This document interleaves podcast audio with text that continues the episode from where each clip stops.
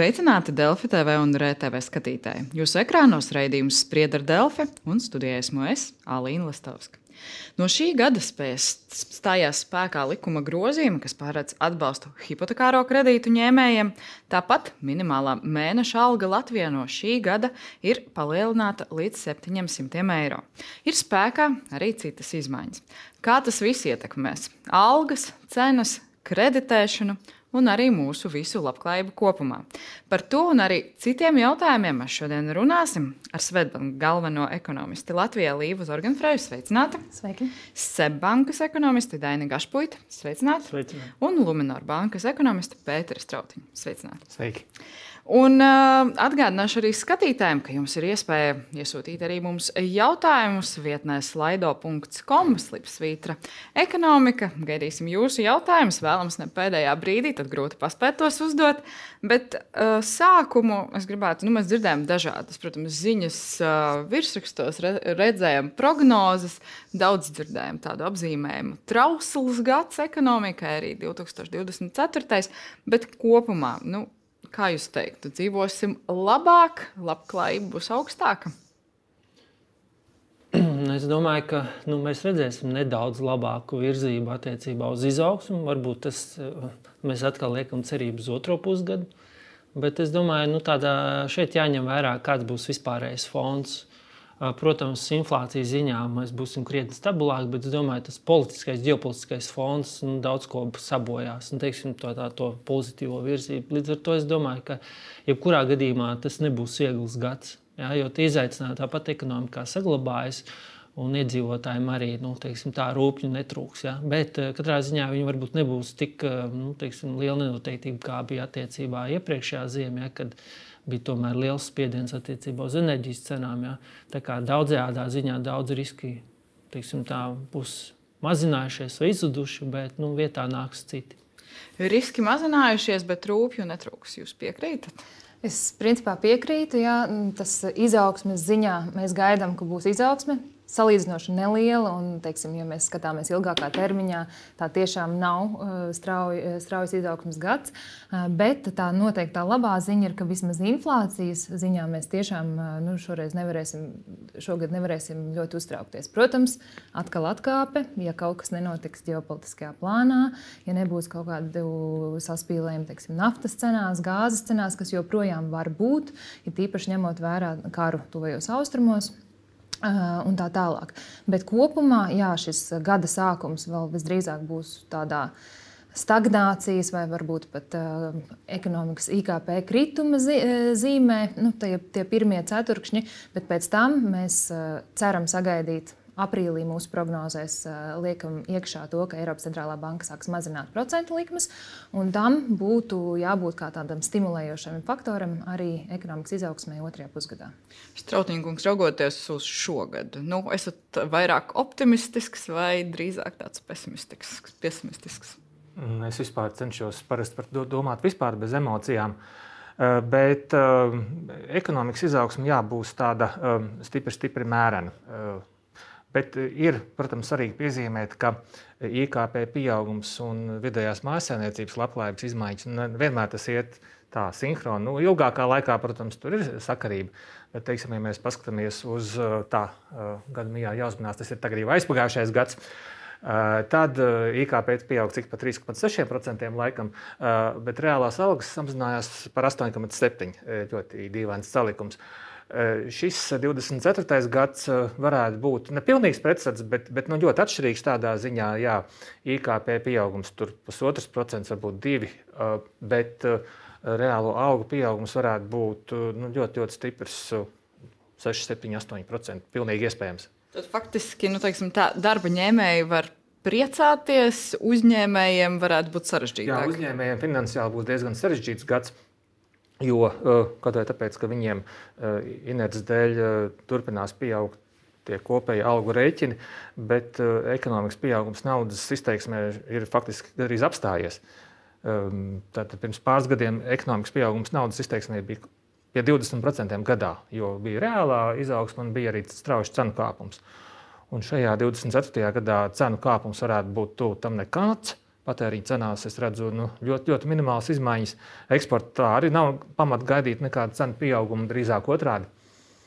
Un, un, jā, līdz ar to Ekonomika naudas izteiksmē augsts, plus mīnus tikpat, cik reālā izteiksmē, tātad pavisam nedaudz, bet, bet uzņēmumu izmaksas pēc, pēc, pēc inerces būs, būs diezgan liels. Jā, un, ja uzņēmumiem savukārt tas, tas gads, kad kritās reālās algas, bija ļoti labs finansiāli, tad e, šajā 24. gadā tieši otrādi mājasēmniecībām diezgan labs gads lielai daļai uzņēmumu, ojojoj, nebūs viegli. Nebūs viegli uzņēmējiem piekritīt šādam vērtējumam. Jā, nu, katrā ziņā mēs arī runājam par to, ka mājsaimniecībām tā bilde būs nu, teiksim, no makro bildes skatījuma pozitīvāk. Bet te jau mēs redzam, arī, ka tas nenotiek vienmērīgi un liela daļa teiksim, pieaugusies klāt. Tīpaši tiem, kam ir šie maksājuma indeksācija caur um, budžetu un tā tālāk. Tā kā, nu, tur daudziem tā situācija tomēr nu, uzlabosies ar tādu ilgstošāku nobīdi. Ja. Eh, bet uzņēmējiem nu, katrā ziņā varbūt eh, nu, tie, kas turpina darboties vai vēl palikuši Skandinavijas, te pašā Zviedrijas tirgu, nu, tiem tā situācija varētu nu, teiksim, tā, stabilizēties, bet nekāda atgūšanās īsti tur varētu arī nebūt visu šo gadu. Tā kā tiem būs pietiekami lieli izaicinājumi. Jā. Un, protams, nu, mēs redzam arī tie paši ceļu būvētāji, kuri saka, ka viņiem Eiropas fonda ir beigušies. Būs sektori, jā, kur izaicinājumi saglabājas. Un, protams, lielai daļai, kas varbūt spēja nokompensēt savus ieņēmumus, uh, gan arī peļņu uz tā rēķina, ka varbūt saru, samazinājās apjoms, kas ir notirgots, jā, bet paudz, bija iespēja palielināt cenu. Jā. Šī situācija šo, šogad nu, vairs nebūs tāda. Jā. Tā kā, nu, tas spiediens daudzajā ziņā daudziem uzņēmējiem pat varētu būt vēl spēcīgāks nekā tas bija teiksim, tā, 23. gadā. Sākam jau runāt par inflāciju, cenu pieaugumu. Tās prognozes ir tiešām, ka nu, vidēji inflācija būs tuvu nulē, 1,5 līdz 2 apmērā. Tāda izskanēja no dažā, dažādiem ekonomistiem. Nu, jūs arī piekrītat, ka cenu kāpums nebūs, bet kuras ir tās nozares, kurās to varētu vēl novērot?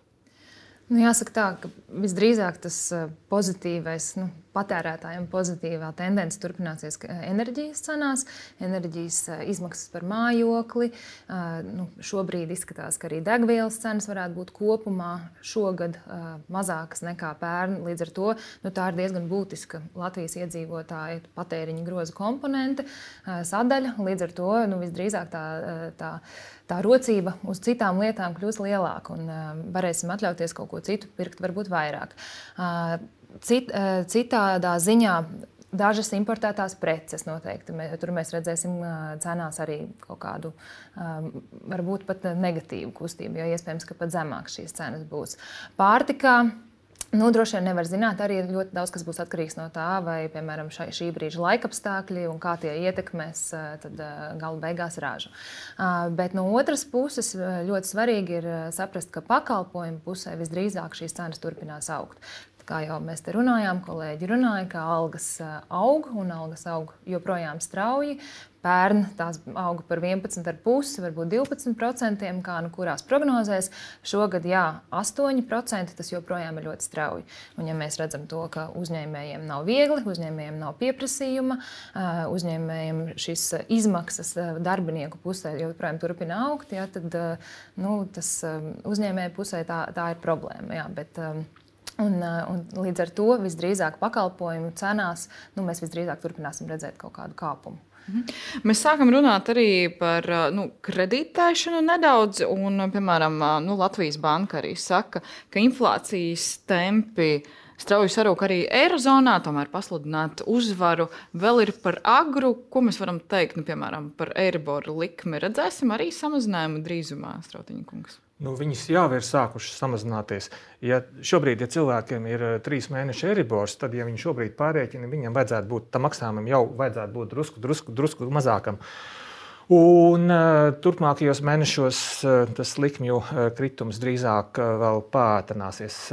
Ir tāda 12 mēneša eribora likme, ko daudz neizmanto, bet tā jau ir samazinājusies no 4,2% līdz 3,5%. Tātad nu, stipri, stipri ievērojams kritums. Viņi rāda ceļu tām pārējām 3 un 6 mēnešu likmēm, kuras jau tad ģimenes un uzņēmumi izmanto biežāk. Jā, Uh, ir riskanti prognozēt, bet var pilnīgi droši pateikt, kāds ir uh, caurmēra investoru viedoklis, kādas būs Eiribor likmes pēc gada tās būs tikai nedaudz virs 2%. Tad ļoti, ļoti ievērojams kritums pret augstāko punktu, kas bija un joprojām gandrīz ir ap 4%. Bet tā Latvijas bankas vadītāja tēze, ka pasludināt uzvaru vēl ir par agru par inflāciju, tam mēs varam piekrist, nevaram. Nu, šeit ir jāsaprot arī retorika. Ja, ja uh, viņi negrib skriet ratiem pa priekšu, līdz ar to viņi šobrīd izmanto to ieroci, ko sauc par retoriku. Ja. Viņi ietekmē gaidas, kamēr viņi nav pārliecināti tiešām pēc datiem, pēc inflācijas un arī algu datiem Eirozonā. Uh, kas varētu būt šobrīd pat būtiskāks tas rādītājs. Ja, jo nav jēgas samazināt procentu likmi, ja algu pieaugums Eirozonā saglabājas pastiprināts, jo samazinot procentu likmi, tas viss patēriņš atkal aizies nu, teiksim, inflācijas nostiprināšanā. Ja viņi redzēs, ka ir pamats, viņi samazinās. Šobrīd viņi vienkārši nu, teiksim, tā dara, nu, teiksim, spēlē savu lomu. Ja.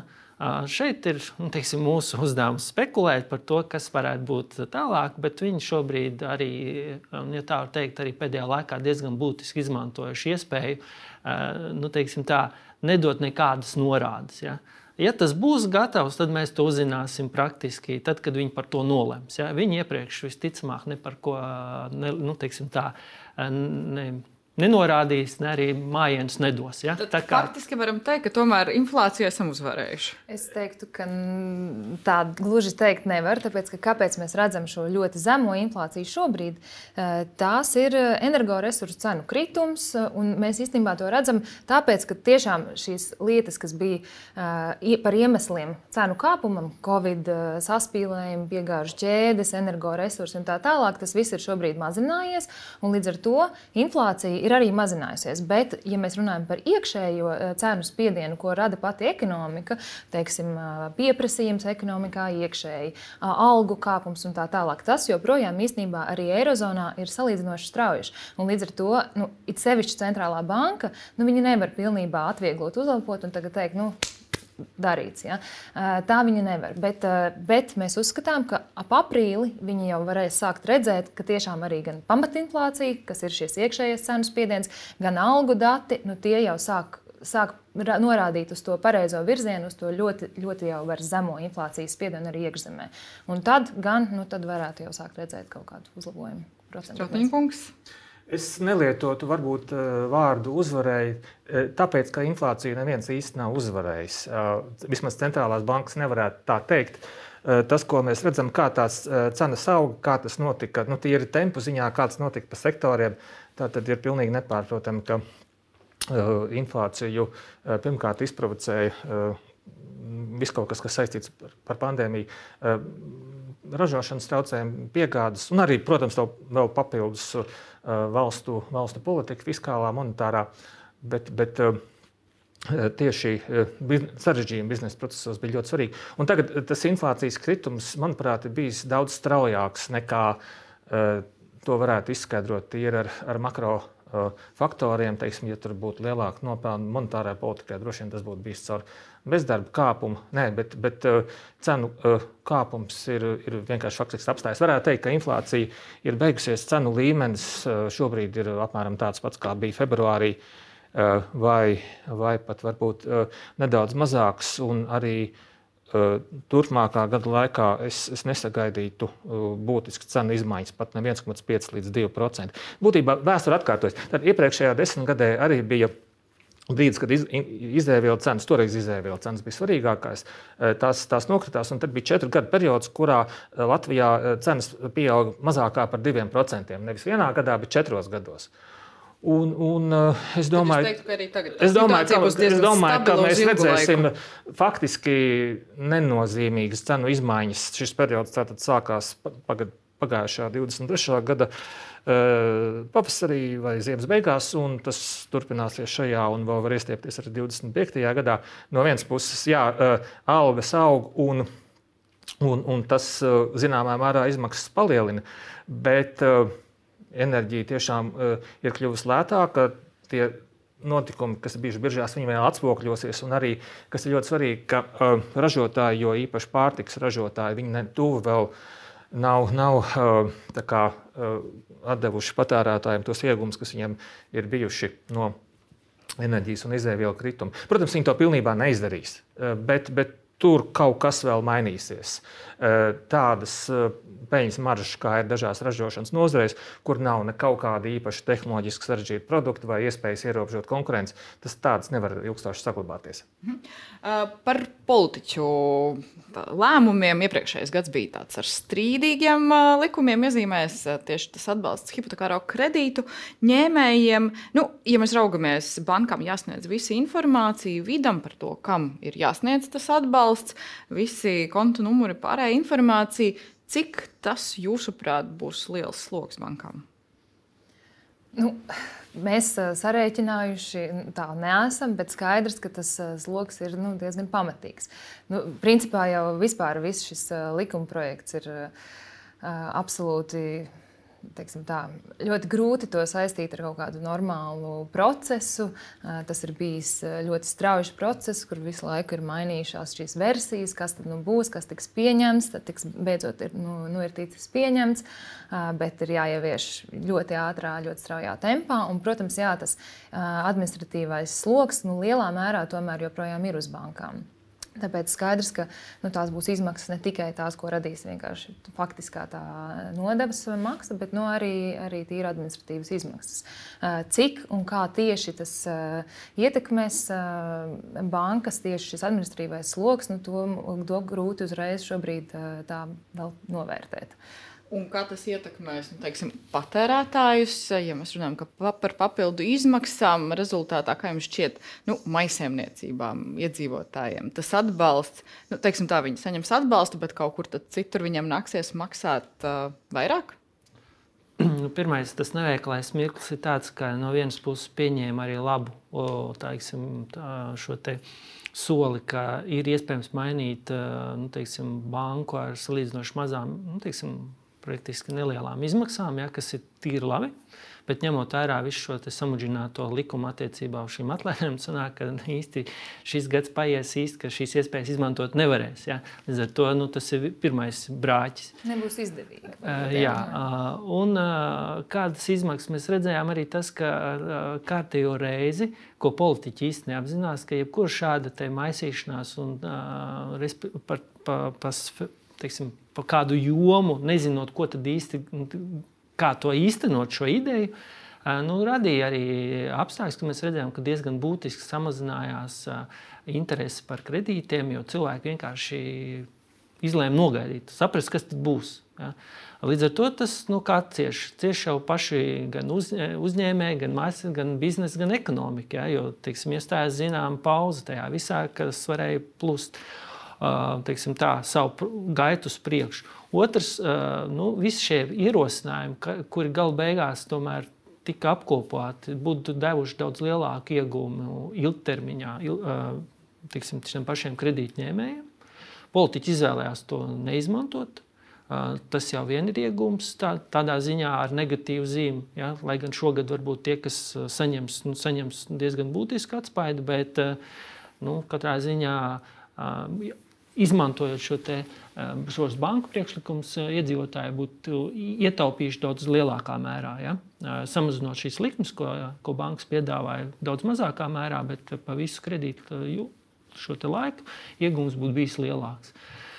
Un uh, arī Nu, tas, ko mēs redzam, ka visi tie atbalsta un dažādi šīs mm, veicinošie pasākumi, ko diezgan aktīvi bankas iesāka, šobrīd praktiski ir noslēgts, jo nu, praktiski ir jāpievēršās pilnīgi citām aktualitātēm. Ja? Šim atbalsta administrēšanai un tā tālāk, un pārfokusējot un, un izprotot, kā tas ietekmēs biznesu šogad. Ja.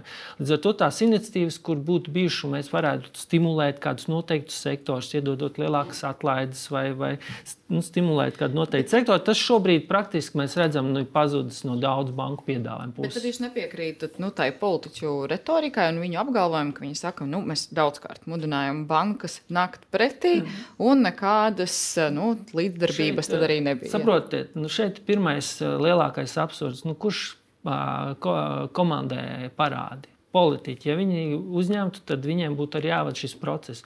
Jūs iedomājieties, kā tagad banku sektors uh, zvanīt, nu, piemēram, Seibankai, zvanīt Svetbankai, ziniet, mums ir tā kā politiķi teica, nu, kā mēs tagad organizēsim, cik mazāk uh, peļņu samazināt, kā mēs ko darīsim, kā mēs to visu norganizēsim. Un tad, uh, kā tas viss izskatītos konkurences padomus skatījumā. Ja? Nu, kā to visu norganizēt, lai mēs bankas pēc tam spētu paskaidrot to visu, nemaksājot sodu, ka mēs esam kaut ko vienojušies par kaut kādu kopīgu pasākumu tirgus pārdalē. Tas viss būtu bijis absurds. Un, un arī, piemēram, ja ar kādu pamatojumu, piemēram, būtu Kāda no bankām signalizējusi, piemēram, tādai kaut kādai SEBA korporācijai, lielai teiksim, finanšu tirgiem, ka kāds kā banka vienkārši saka, nu, mēs samazināsim nu, apzināti teiksim, šo te peļņu un tā tālāk, tāpēc, ka mums politiķi spiež. Kā tas būtu radījis finanšu turbulences un kādas paskaidrojums, un mēs aicinām darīt, piemēram, Svetbanku un Luminoru. Un tas viss būtu, saprotiet, tas viss ir, nu, teiksim, tā ir tāda atrunāšanās, ja, jo praktiski es, m, grūti iztēloties, kā to bankas varēja nepārkāpjot likumdošanu, tirgus konkurences eh, nosacījumus, nokoordinēt. Un es vienkārši vēlreiz, nu, tas, par ko daudzi joprojām uztraucās, lasot gan to likumu, gan to regulējumu, gan par atlaides apmēru vai par to atbalsta apmēru. Labi, tur eh, visi mēģina rēķināt, bet tas ir viens jautājums. Bet tiešām iedzīvotājiem pašam nekas nav jādara, tas viss notiks automātiski un bankas ar to un vidi pēc tam arī tiks galā. Cik saprotam, šobrīd jā, bet nu, tad mēs redzēsim, kad sāksies īstenošana, vai tur kāda uzķeršanās nebūs. Jā. Šobrīd, nu, katrā ziņā tas ir tā, kredītņēmējam šobrīd nu, bez lielas, praktiski bez iesaistes notiks. Jā. Kā tas ilgtermiņā ietekmēs kreditēšanu Latvijā, jūsuprāt? tas, par ko mēs runājām, ne tikai mājokļu kontekstā, mēs vispār runājam arī par kredītu iespējām. Politiķi vismaz, kā jums šķiet, vai situācija uzlabosies? Nu, tas īsti ilgākā laikā nevar uzlabot situāciju nekādi, jo ir pilnīgi skaidrs, ka nu, visiem finanšu sektora dalībniekiem parādās vēl tāds jauns politisks risks, ko viņi agrāk pat droši vien nevarēja nojaust valsts vienkārši sāk kaut kā uh, pārgulēt cenas, uh, tā tāda ekonomiskā politika, drusku Latvijas Amerikas stilā. Arī tur, savas, tur ir vairākas tradīcijas. Viena ir peronisms, tērēt naudu, kur nav, un otra varētu saukt par čabasismu, uh, kas ir vienkārši teiksim, valsts kaut ko pārņemt, kaut ko nu, brutāli pārdala no vienas nozares uz otru. Un tā tālāk. Šis ir vairāk tāds, tāds, tāds čabasisms, jā, un, un es domāju, ka, ka man pat grūti prognozēt, kā nu, banku vadītāji un, un, un padomus un akcionārus šo situāciju skatīsies. Tas ir kaut kas tāds, eh, es teiktu, Eiropas Savienības valstī eh, stipri, stipri nepieredzēts. Eh, ir ziņas par vienu investīciju projektu Latvijā, kas vispār ir apstājies, jo nu, rodas tāda sajūta, ka nu, kaut kāds pilnīgs hauss notiek. Nu, ka, ka politiķi sāk pieņemt lēmumus, kādus, kādus vispār valsts nemēdz tirgus ekonomikā pieņemt. Bet es tiešām ceru, ka tā ietekme nebūs, nebūs izšķiroša, cerams, jo, protams, ka kreditēšana ekonomikā ir vajadzīga un, un protams, ka nu, bankām ir jākreditē, jo uh, tas ir tāpat kā maiznieks. Ja tu, ja tu necep maizi, tu neesi maiznieks. Ja tu, banka, ja tu nekreditē, tu neesi banka agri vai vēlu. Uh, paralēli šim visam bija vēl uh, klejoja tāda, es to sauktu, par, par uh, banķieru demotivācijas teoriju. Respektīvi, kā ka bankas neskapēc nesot ieinteresētas kreditēt, ka var vienkārši aizdot naudu valstī. Nu, es domāju, ka, ka, ka jebkurš banķieris sapratīs, ka tādā veidā tas bizness ļoti ātri beigtos līdz ar, piemēram, procentu likuma kritumu. Tā kā bankām ir jākreditē, un, um, un, un mēs to centīsimies darīt. Un, un par spīti visiem ECB un, un Latvijas politiķu un vēl uh, globālās uh, politikas centieniem, pat, pat vismaz mājsainiecībām vēl portfels turpina augt. Katra griezumā, manuprāt, tā bija jaunākā ziņa. Jā, viens ir jautājums kredīta procenti, un tas otrs ir arī noguldījuma procenti. Kā jūs tur redzat tendenci vai situācija varētu uzlaboties un nākt iedzīvotājiem par labu? Nu, es teiktu, ka noguldījuma procentu likmes ir augušas, un šobrīd jau, man liekas, nu, tādā, ja skatāmies nezinu, gada noguldījuma procentu likmēm, tās ir ļoti augstas, salīdzināmas ar Eiriboru un tā tālāk. Un tas viss bija iespējams sākās par lēnu šis kāpums, bet principā šobrīd es teiktu, ka jau nu, tā, tā situācija ir diezgan laba. Jautājums ir, vai cilvēki to izmanto. Un, izmanto arvien vairāk, bet joprojām nu, droši vien teikt tā, ka varētu izmantot vēl vairāk un varētu iegūt vairāk no tiem, no tiem saviem līdzekļiem, kas ir noguldīti bankās. Bet domājot par noguldījumu likmēm kopumā. Jāsaprot, ka ieguvēji no augstākām noguldījuma likmēm nu, visdrīzāk tas nav vidējais iedzīvotājs, tāpēc ka vidējiem iedzīvotājiem šie uzkrājumi banku kontos ir īstenībā ļoti mazi.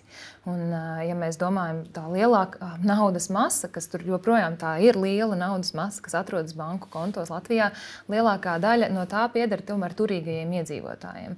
Un, tie, kas ir tiem, kam kontā ir līdz 1000 eiro, tie ir laikam 2% no tā kopējās naudas masas. Līdz ar to mēs, tad, kad runājam par noguldījumu likmēm, mēs īstenībā runājam par uh, noguldījumu likmēm, ko var izmantot, protams, jebkurš, bet reāli ieguvēji devēji ir nu, tomēr salīdzinoši daži, daži tikai no, no iedzīvotājiem. Mm -hmm. Lunčija bankai bija aptauja, un tur bija teikts, ka Latvijā 48 iedzīvotāji inflācijas dēļ bērni sākuši dzīvot taupīgāk, 59% Ziemassvētkus arī plānojas sagaidīt pieticīgāk, nu, ar tādām nu, nosacīti pozitīvām kaut kādām arī tendencēm par darba, algu, par vispārējo. Jūs domājat, kā iedzīvotāji arī ātri rēģēs uz tām izmaiņām, un tad taupīgumu nu, varēsim aizmirst uz kādu brīdi. Nu šķiet, ka tā reakcija nav ātra. Tātad, eh, pēc uh, reālo algu krituma, kas turpinājās līdz uh, pagājušā 23. gadā aprīlim, manuprāt, uh, ir jau atsācies reālo algu kāpums. Pagājušā gada beigās tas jau ir varēja būt jau ļoti, ļoti ievērojams, pat diezgan tuvu 10%. Bet nu, pagaidām vismaz mazumtirniecības datos to īsti neredz. Tur vēl jaunākajos datos, kas bija par uh, novembri. E, tur vēl bija mini mīnusiņš. Tā kā jā, cilvēki ir kā, drusku, drusku e, sabijušies. Inflācija faktiski ir beigusies, bet nu, vienmēr notiek, tā, kad cilvēki prātos cīņa ar iepriekšējo notiek iepriekšējais karš, un, un šis iepriekšējais karš vēl, vēl varbūt kādu brīdi turpināsies. Tā kā eh, jā, īpaši, īpaši lielu patērētāju entuziasmu šajā gadā es nesagaidu. Eh, kaut arī, eh, nu, ja pastāv uz, uz galvenajiem skaitļiem, un tie nevar būt pilnīgi aplami, tad, tad nu, tiešām šogad ģimeņu labklājībai ir jāuzlabojas. Jā. Es gribēju teikt, ka mēs skatāmies uz to, kad teiksim, vidējais darba ņēmējs sasniegs to iepriekšējo algas, reālās algas pirktspēju. Ja?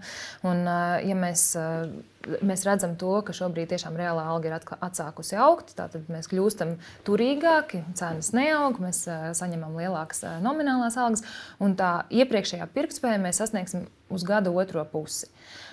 Bet joprojām jāsaprot, ka tās cenas ir augstas. Eh, tas, ka mums atjaunojas pirktspēja, tas jau nemaina to faktu, ka cena joprojām ir augsta, un tas cilvēks to cenu, augsto cenu redz. Viņam jāizdomā, ka kaut kādu laiku ir jāpierod pie tās, jāsaprot, ka jā, mani ienākumi tomēr arī aug, un es to varu tomēr atļauties. Līdz ar to jā, tas patēriņš, sevišķi gada sākums, nu, mēs neesam lieli optimisti par to. Jā, te jau vienmēr ir jāsaka, ka tomēr katram tas patēriņa grozs ir atšķirīgs, un arī nesvarīgi ne tikai cena, bet arī tas patēriņš patēriņš, cik mēs daudz um, kaut ko patērējam. Ja? Un arī, piemēram, šobrīd ir augsta ziema un ir varbūt enerģijas cenas kritušas zemākas, tad attiecīgi varbūt arī gala beigās rēķins sanāk gan augsts. Ja? Nu, tas arī jāņem vērā. Ka, protams, kaut kur arī cilvēks skatās, tomēr, cik nomināls tas rēķins liela, liels ir. Ja? Un tā kā ziema varbūt būs augsta, nu, varbūt arī aizies vairāk. Uh, teiksim, rēķinos, nekā varbūt parādīt tas procentuālais inflācijas nu, teiksim, cenu samazinājums. Ja? Bet, ja mēs runājam par darba algām, tad 7,9% darba samaksas kāpums, nu, kuras nozares var priecāties visvairāk un kurās varbūt tas kāpums nebūs liels? Šeit es domāju, mēs neatrad, visticamāk neatradīsim nevienu nozari, kur būs kritums. Nu, praktiski visās augstās. Tad mēs varam sākt runāt par to, ka, kura nozare ir, kurā nozarē ir lielākas ēnas, kurās nav. Mēs redzam arī, ka pat salīdzinoši tādās nozarēs, kur pieaugums vidējais nu, nav augsts, bet nu, ir uzņēmumi, kur ir augsts produktivitāte, un tas pieaugums ir gan augsts un labs, un kur tā produktivitāte īsti ir nu, neaug vai ir ļoti zema, nu, tur iespēja palielināt algu nav kā, nu, arī par reģioniem atšķirības tur būs. Jā. Tā kā es domāju, nu, te mēs varam zīmēt katru savu situāciju, jā, bet nu, šeit nu, galvenais, ka mēs redzam, ka tā kopējā virzība ir iet diezgan spēcīgi uz augšu. Jā. Tā kā nu, pārējie būs spiest iet līdzi. Nu, te mūžīgais stāsts, par kur mēs runājam pēdējos gados, un runāsim tu, turpmākos desmit, ja, nu, cik daudz un kur uzņēmēji cīnīsies ar to konkurētspēju, lai notiktu tam algu pieaugumam līdzi, un kuriem būs darbība jābeidz.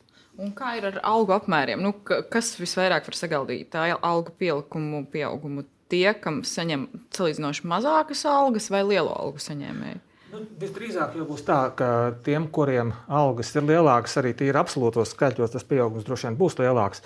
Bet savukārt, ja mēs runājam par procentuālām izmaiņām, tad uh, tur ir tāda zigzaga veida uh, kustība. Ja vienu gadu vienā nozarē pieaug ātrāk, tad citā visdrīzāk citā. Un ilgākā laikā dati par nevienlīdzību Gini indeks ir par 20 gadiem apmēram. Tur mēs redzam, ka nevienlīdzība ir diezgan augsta Latvijā, bet viņa gandrīz nemainās, svērstās ap vienu punktu. Jā, un arī, arī nozarēs gan augstāku algu, gan, gan zemāku algu nozarēs ilgākā laikā uh, algas pieaug diezgan līdzīgi, tikai atsevišķos gados parādās kaut kādi interesanti rezultāti. Teiksim, pagājušajā gadā parādījās vairāk kā 20% kāpums lauksaimniecībā un mežsaimniecībā. Tas tā ļoti interesanti. Bet tur, tur varētu būt izskaidrojums. Vienkārši uh, visu pēcpadomu periodu daudz kur reģionos faktiski bija darba spēka pārpalikums, un tagad uh, tas, tas acīm redzot, beidzot ir, ir, ir beidzies. Uh, labi apmaksāta darba vietu skaits pieaug, tā kā pieaug konkurence, vienlaikus iedzīvotāju skaits samazinās, un kādā brīdī tās līknes satiekās. Un, un, un pēkšņi ieraugam uh, šajā nozarē ļoti strauju algu pieaugumu bet, eh, bet eh, kurām būs turpmākajos 20, 12 mēnešos straujākais algu kāpums, es domāju, to ir gandrīz neiespējami paredzēt. Tas būs atkarīgs no teiksim, uzņēmuma lieluma, no tā vispārējais spiediena, konkurences, vai to arī pateikt nevaram. Ne, nu noteikti tas eh, jautājums uzņēmuma līmenī ļoti atšķirīgi. Ja tie ir eh, uzņēmumi, kuriem eh, tas pieprasījuma problēma nav tik liela kā teiksim, daudziem apstrādes rūpniecības, koku rūpniecības uzņēmumiem, tad varbūt tur būs augstāks šis cenu pieaugums. Vēl es domāju, ka arī manuprāt, nozarēs, kur ir lielāka daļa tā, to darbinieku, kas saņem tuvu minimālajai algai vai minimālo algu, tur varētu procentuālā ziņā šis kāpums būt lielāks. Jo minimālā alga tiek celta par 13%, mēs prognozējam, ka vidējā alga augs par 8%. Nu, līdz ar to jā, tas, kas ir tuvāk tai minimālajai algai, tur iespējams šis kāpums būs uh, straujāks. Uh, Jo gan minimālā alga jāceļ, gan arī viss, kas ir nu, pat repīti uz augšu, kas ir tuvu šai minimālajai algai.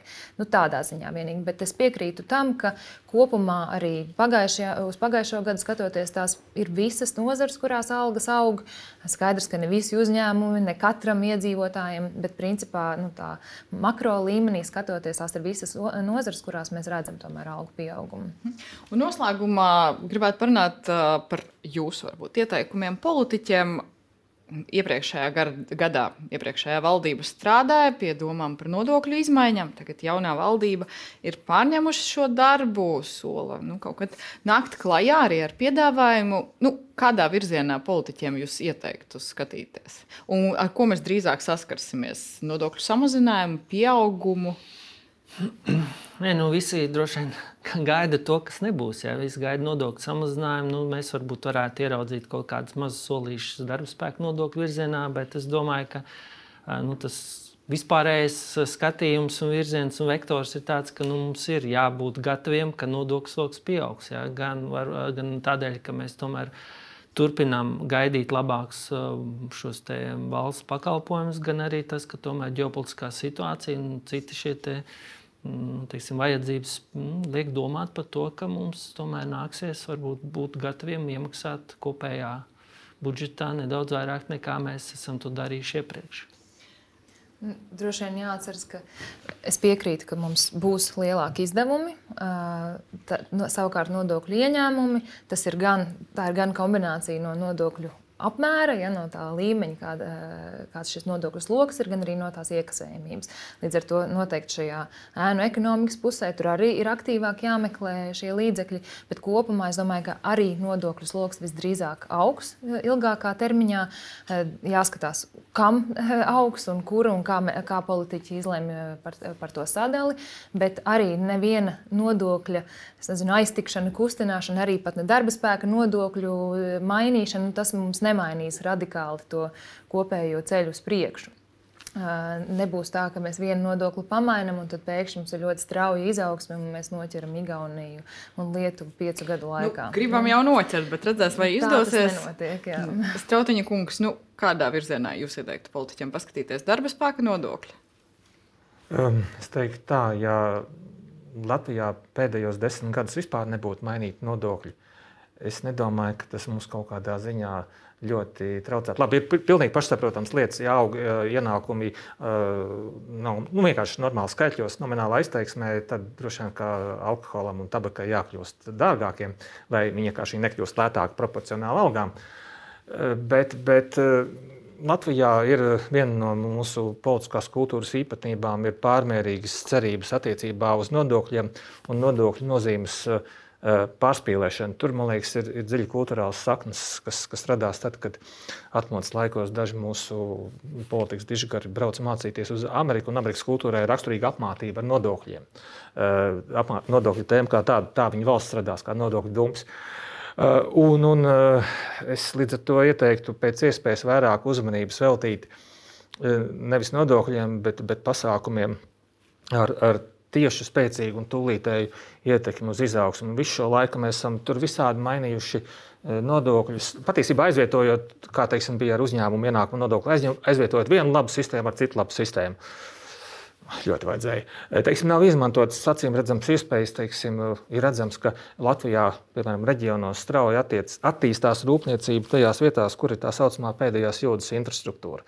Pēdējais ielu kilometrs līdz vietai, kur grib būvēt rūpnīcu, pēdējais vadu cauruļu kilometrs. Un tas dažviet notiek tur, kur notiek e, tas izdarīts, ir ļoti labi rezultāti. Daudzviet tas nav izdarīts. Nu, tagad beidzot kaut kādas e, darbības notiek. Tur pie Daugopils nu, tagad būs vismaz divi industriālie parki. Cerams, kaut kas notiek.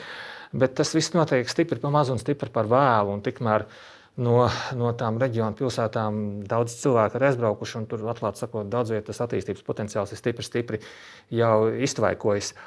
Uh, kamēr, jā, kamēr notika pārgudras diskusijas par nodokļiem. Tā kā, uh, ja kaut ko dariet, izdariet to ātri, dažās dienās, un dariet kaut ko tādu, kas, kas tiešām ir svarīgi.